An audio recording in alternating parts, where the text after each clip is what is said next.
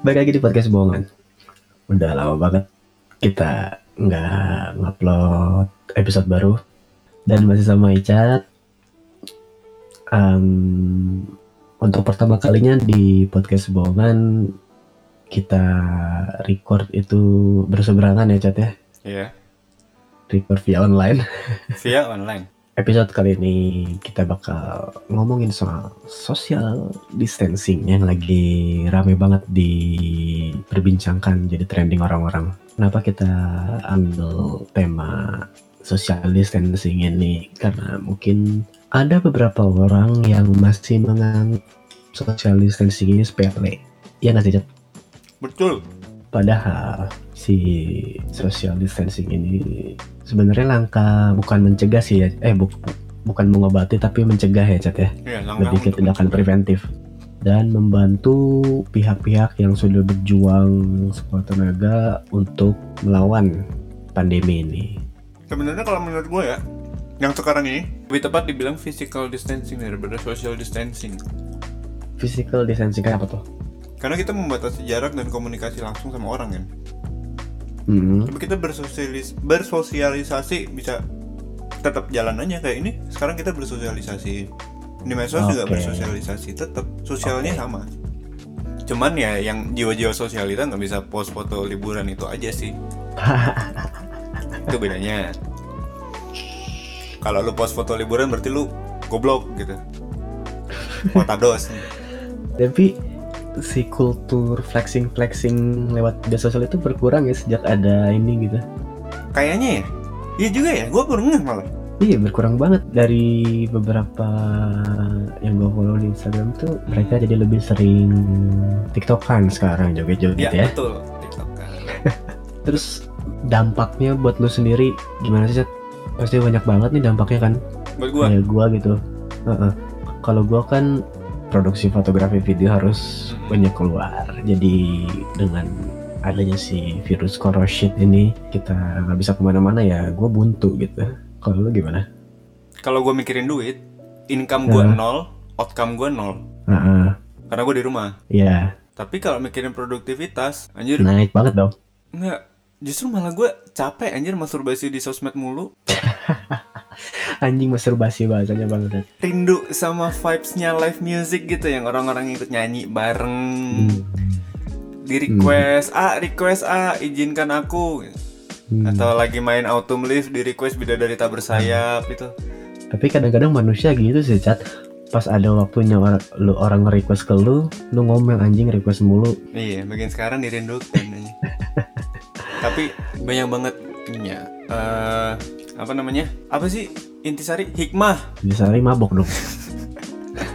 Banyak banget hikmahnya dari berdiam diri di rumah ini. Kalau emang lu bener berdiam diri di rumah ya, Hmm. kayak lu jadi makin banyak waktu luang kan? Iya sih sebenarnya. Iya kan, jadi makin banyak waktu luang kan. Paling enggak lu pulang pergi ngantor itu satu jam kali dua, dua jam. Waktu lu untuk bekerja sesuatu bertambah dua jam, paling enggak banget itu tuh. Hmm. entah lu mau buat jadi bangun dulu lebih siang 2 jam atau lu ngerjain sesuatu yang lain dengan waktu 2 jam gitu. Maksud gue gini, lu jadi makin banyak banget waktu luang kan di rumah nih. Ya, Terserah mau lu pakai buat males-malesan depan TV, Netflix kan atau lu pakai buat ngulik sesuatu yang baru. hmm, benar sih. Itu pentingnya. Jadi gue berharap nih lama kan nih pada diem di rumah begitu akhirnya ada panggung lagi kumpul pada kaget eh lu kok jadi jago gitu kan gue berharap begitu benar, benar. tapi yang sampai sekarang jatuhnya orang-orang itu merasa anjir gabut anjir gabut kayak dia nggak bisa eh, Lu tau gak sih kenapa orang-orang merasa kayak gitu?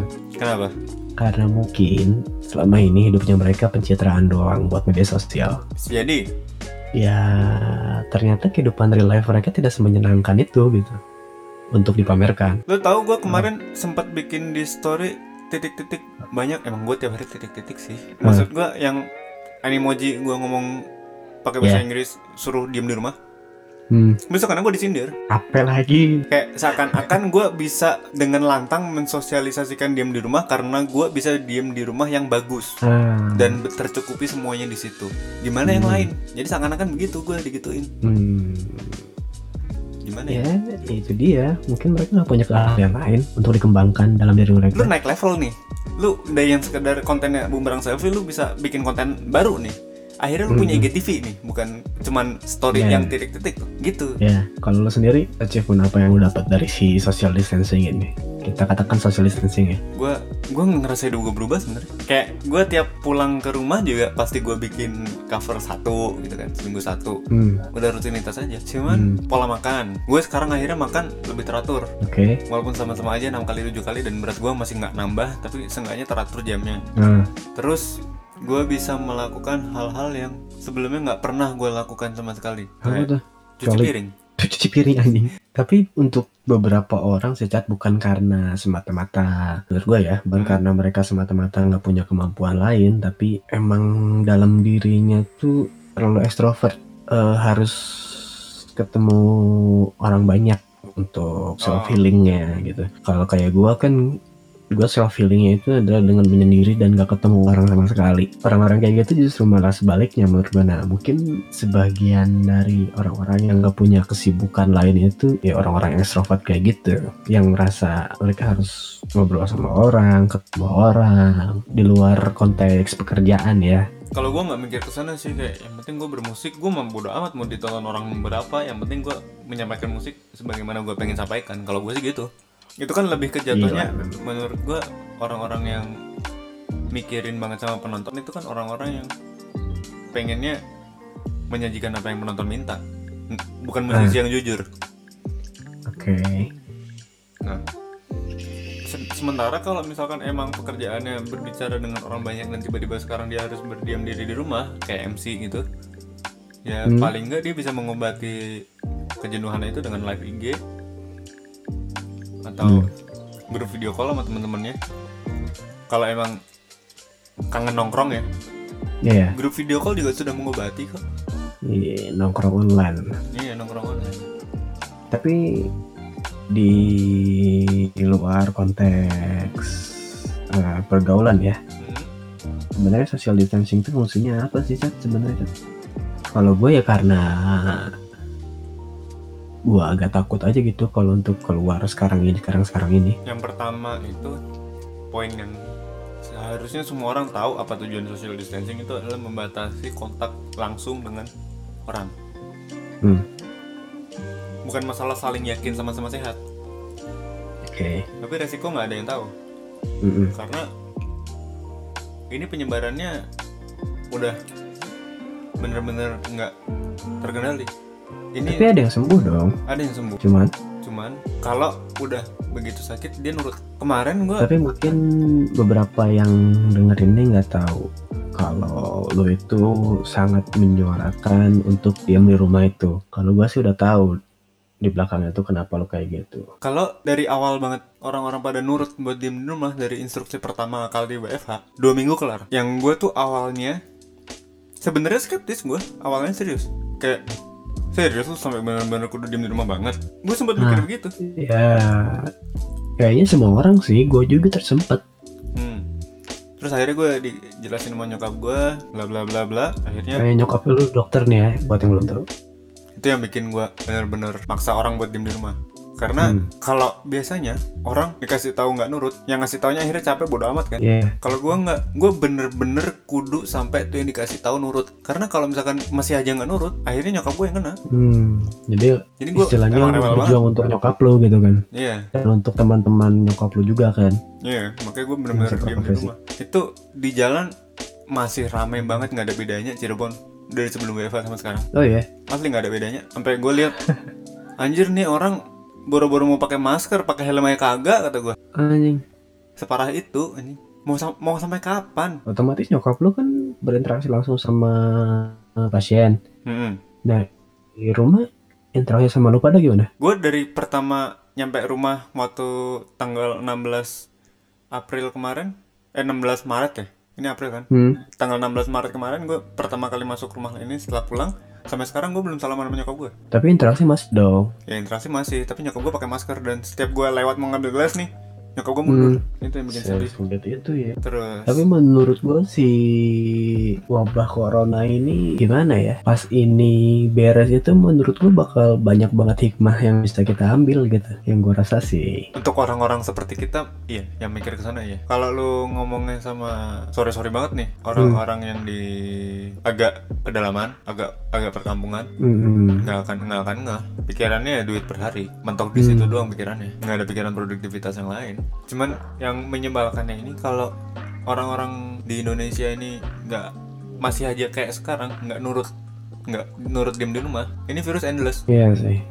harus bener-bener diem di rumah sedangkan orang-orang masih banyak yang mengatasnamakan upah harian untuk keluar jadi Tapi ya nggak bisa disalahin juga sih, Cot. Maksudnya kalau misalkan em- emang mereka alasannya itu mereka ya pakai masker di luar Ah, dan nggak nongkrong-nongkrong emang pure untuk cari duitnya be- beres urusan cari duitnya balik ini masih ada yang kumpul di pangkalan ojek pasar masih Iya. buka gitu nggak konsisten tapi gue juga agak gimana ya? Gue beberapa hari ke studio gitu kan. hmm, Ya walaupun itu private space ya. ya Tapi kan di jalannya jalannya kita agak ngeri juga ya. Ditambah gue pakai motor kan. Ya, gue paling pakai masker sama jaket doang sih. Cuman ya kalau ngelihat yang di jalanan gitu memang masih ada aja gitu yang nongkrong, Nah, itu dia. apalagi yang kayak grup-grup pengamen tuh. nah itu mereka krisis literasi yang begitu-begitu itu Iya sih. Terlalu meremehkan mungkin orang-orang kayak mereka. gue sempat ada pikiran saking keselnya sama orang-orang nggak mau dikasih tahu udah biar jadi ge- genocide aja yang yang bebal udah mati mati aja tapi yang ditumbalin kan dokter Iya sih. itu korbannya juga Iya. dari semua kalangan anak-anak itu adalah pembawa virus yang paling baik ya carrier paling baik itu anak-anak tanpa menunjukkan gejala sama sekali Hmm. kalau seumuran kita 20-an kalau kitanya kuat itu virus bisa mati di tubuh kita walaupun kita udah terinfeksi kayak ibaratnya Hmm. kalau kita udah terinfeksi nih kita kuat-kuatan sama si virus siapa dulu yang mati Iya. nih gitu Iya. dan kemungkinannya tuh lebih besar virusnya mati tapi kalau kenanya ke lansia udah bye bye karena Hmm. imunitasnya udah nggak sekuat yang kita muda-muda ini makanya itu suruh diam di rumah itu bukan sekedar membatasi jarak sama orang-orang tapi supaya lu punya antibody yang kuat untuk melawan virus ini kebentuk sendiri jadi lu nggak akan sibuk cari-cari vaksin. Karena antibody lu sudah membuat vaksin secara alami secara alamiah dari badan lu sendiri ngebikin vaksinnya. Kalau emang lu terinfeksi misalkan gini nih ceritanya lu keluar sekali doang nih Hmm. ke Indomaret sekali doang. Balik ke rumah lu cuci-cuci semua tuh. Iya. terus lu tiduran di kamar tapi lu nggak sadar kalau lu tuh kena virusnya udah ngehirup Nah. virusnya tuh lu nggak sadar tapi lu diem di rumah 14 hari dari sejak lu keluar ke Indomaret itu virusnya mati Oke. jadi itulah kenapa harus diam di rumah 14 hari. Yang jadi masalahnya ini kalau orang orang pada bodoh amat kan kalau di tempat-tempat kayak gitu masih pada dempet-dempetan kan. Lu bilang aja bu bisa jaga jarak. Nah itu tuh biasanya orang-orang yang kita tegur kayak gitu dia tersinggung merasa dianggap sakit. Iya Kan sih. bukan itu maksudnya. Heeh. Lu, lu bilang aja kalau begitu ya saya tahu ibu mungkin sehat tapi emang ibu tahu saya sehat gitu ya nah dia yang mundur sebenarnya. Tapi kalau lagi kondisi kayak gini sih, gue udah kasihan sama yang yang itu tadi kata lu. yang upah harian Yang itu. pekerja-pekerja harus turun ke jalan setiap hari kayak driver ojol gitu, Ya. supir-supir angkutan umum. Sebenarnya serba salah sih sebenarnya. Cuman ya gimana gitu kan. Mau lockdown kerusuhan 98 yang ditakuti. Ditambah kalau lockdown memang bisa masyarakat kita sedisiplin itu. Makanya takut jadi kerusuhan orang-orang nggak punya duit ngejarah. Takutnya Tapi kalau kebayang gak sih kalau ini tuh kejadiannya kayak di film-film gitu kayak World War Z atau kayak Resident Evil, kebayang gue udah kebayang ke sana. internet mati, listrik mati, chaos. Anjing gak kebayang sih sama gue. Ini case paling baiknya aja nih kalau semuanya berjalan lancar. Ini pandemi selesai Agustus. Wow, Kalau lancar. 2020 dihabisi di rumah. Iya aja. Lebaran gue fix nggak bisa mudik. Ah, Lebaran gue di rumah nggak ada sholat id. Nih nggak ada THR yang paling penting. THR emang gue nggak udah nggak pernah dapet sih. Eh, Eh, event? Oh iya event ya. Eventnya itu betul. Yang bikin pu- jadi puncaknya ini apa coba? Nanti puasa. Oh iya sih, berat banget itu pasti. Karena orang-orang pasti yang kalangan seperti itu akhirnya tetap memaksakan puasa kan.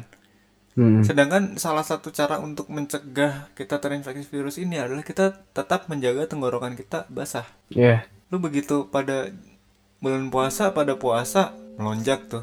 Yang ditakutin nyokap gue itu. ya mau nggak mau bisa nggak bisa harus nyusahin beres sebelum itu sih. Nggak nggak nggak mungkin orang-orangnya pada masih keluar udah masih di luar gue nggak ngertinya Ya kafe-kafe juga masih ya. pada nggak tutup itu yang bikin pada nongkrong tempat nongkrongannya ya tutup orang-orang bingung mau nongkrong di mana Iya sih. Seenggaknya kalau misalkan Tapi- mereka gatel buat nongkrong, akhirnya nongkrong di salah satu tongkrong kumpulan mereka nih, nongkrong di salah satu anak-anaknya di rumahnya, itu masih mending. Kalau Iya. pulangnya tahu diri buat cuci-cuci gitu. Hmm. Dan lu Tapi pelaku usaha juga sih ya sama kayak pekerja di jalanan gitu sebetulnya iya makanya. kalau menurut gua Cuman jatuhnya mereka Nah, jadi kayak menantang maut. iya sih Kalau emang Cuman- mikirin omset, mereka bisa mikir dengan cara yang lain, bisa delivery tanpa harus Betul. pakai platform supaya tidak meresikokan driver. Banyak cara.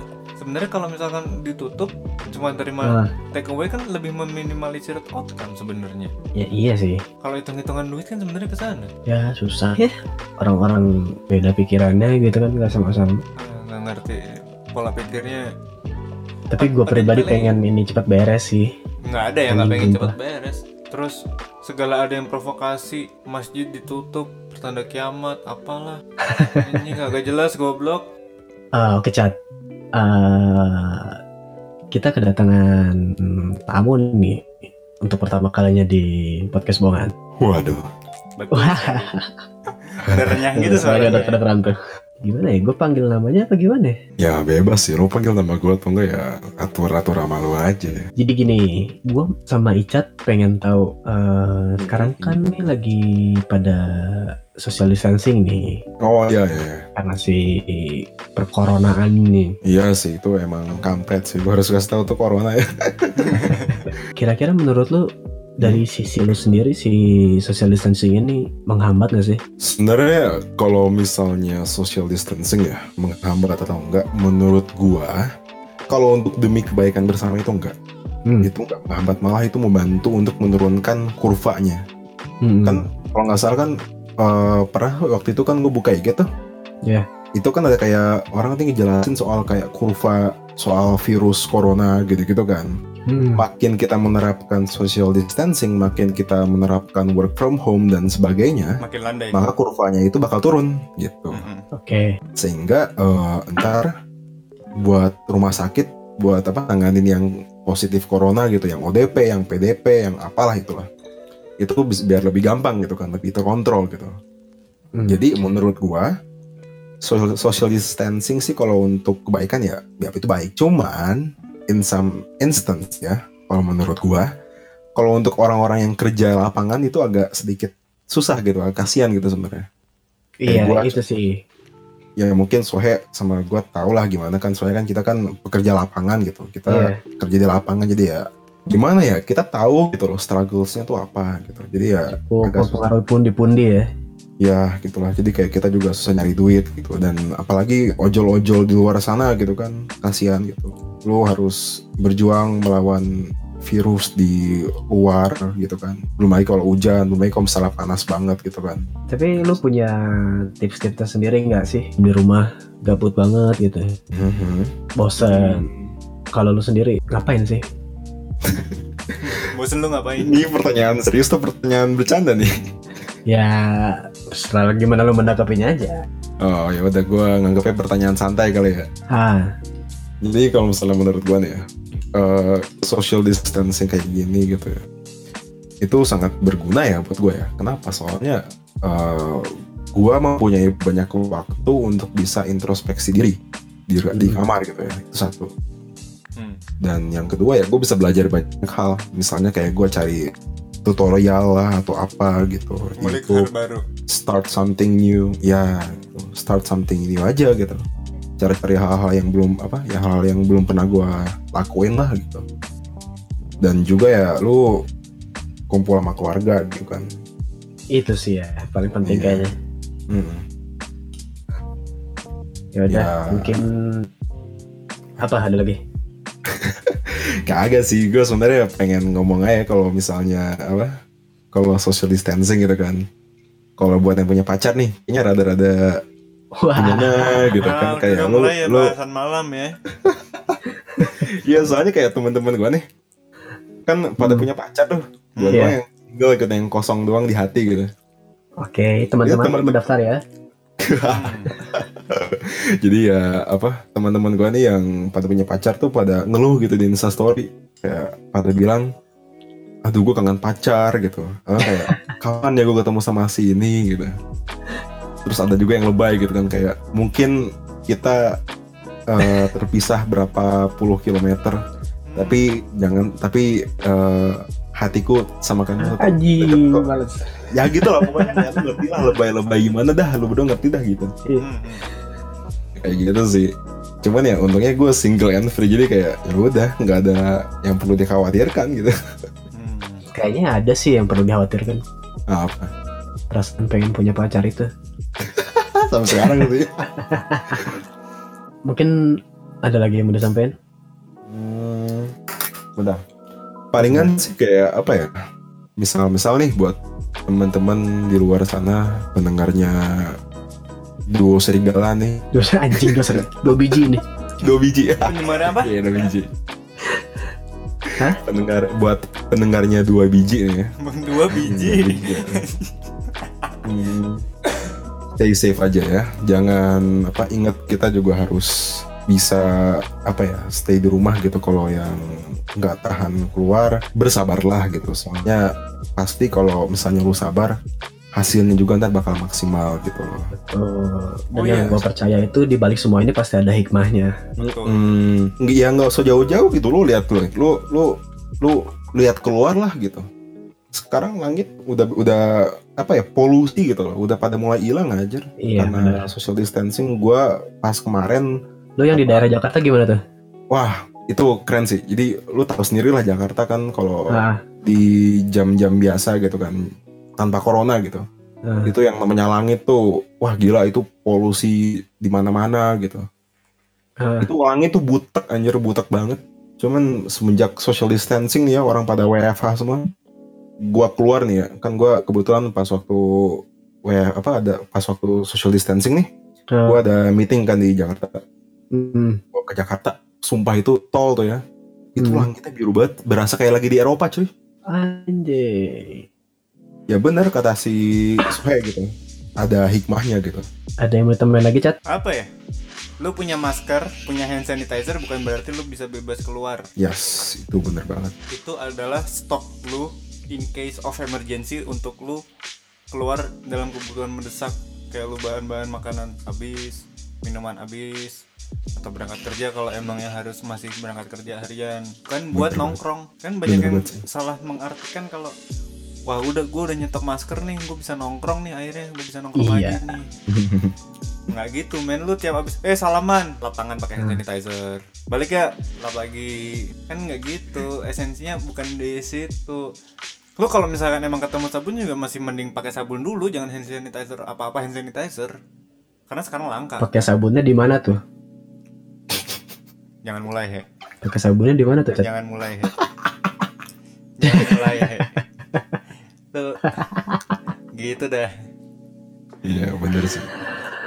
Iya. Gua kalau soal salaman gitu ya, karena teman gue, jadi teman gue tuh Jakarta juga sebenarnya masih sering nongkrong gitu kan. Cuman sekarang salamannya beda, udah bukan tos lagi. sikut Gimana? Injek kaki anjing. Injek Oh, kaki. tas kaki. wah Ya apa kabar lu injek gitu. tuh kalau gue pakai sepatu bener nggak nggak nggak nggak bisa tuh Emang agak ngeri juga sih sekarang ya untuk interaksi gitu. Ya sih, ya itu dia yang harus dipatenkan gitu. Kita harus lebih aware sama sekitaran sih. Hmm, ya udah sih dari gua sih itu aja ya. Stay safe aja buat yang lain nantinya. Thank you ya udah mau direpotin. Iya saya. Anjing.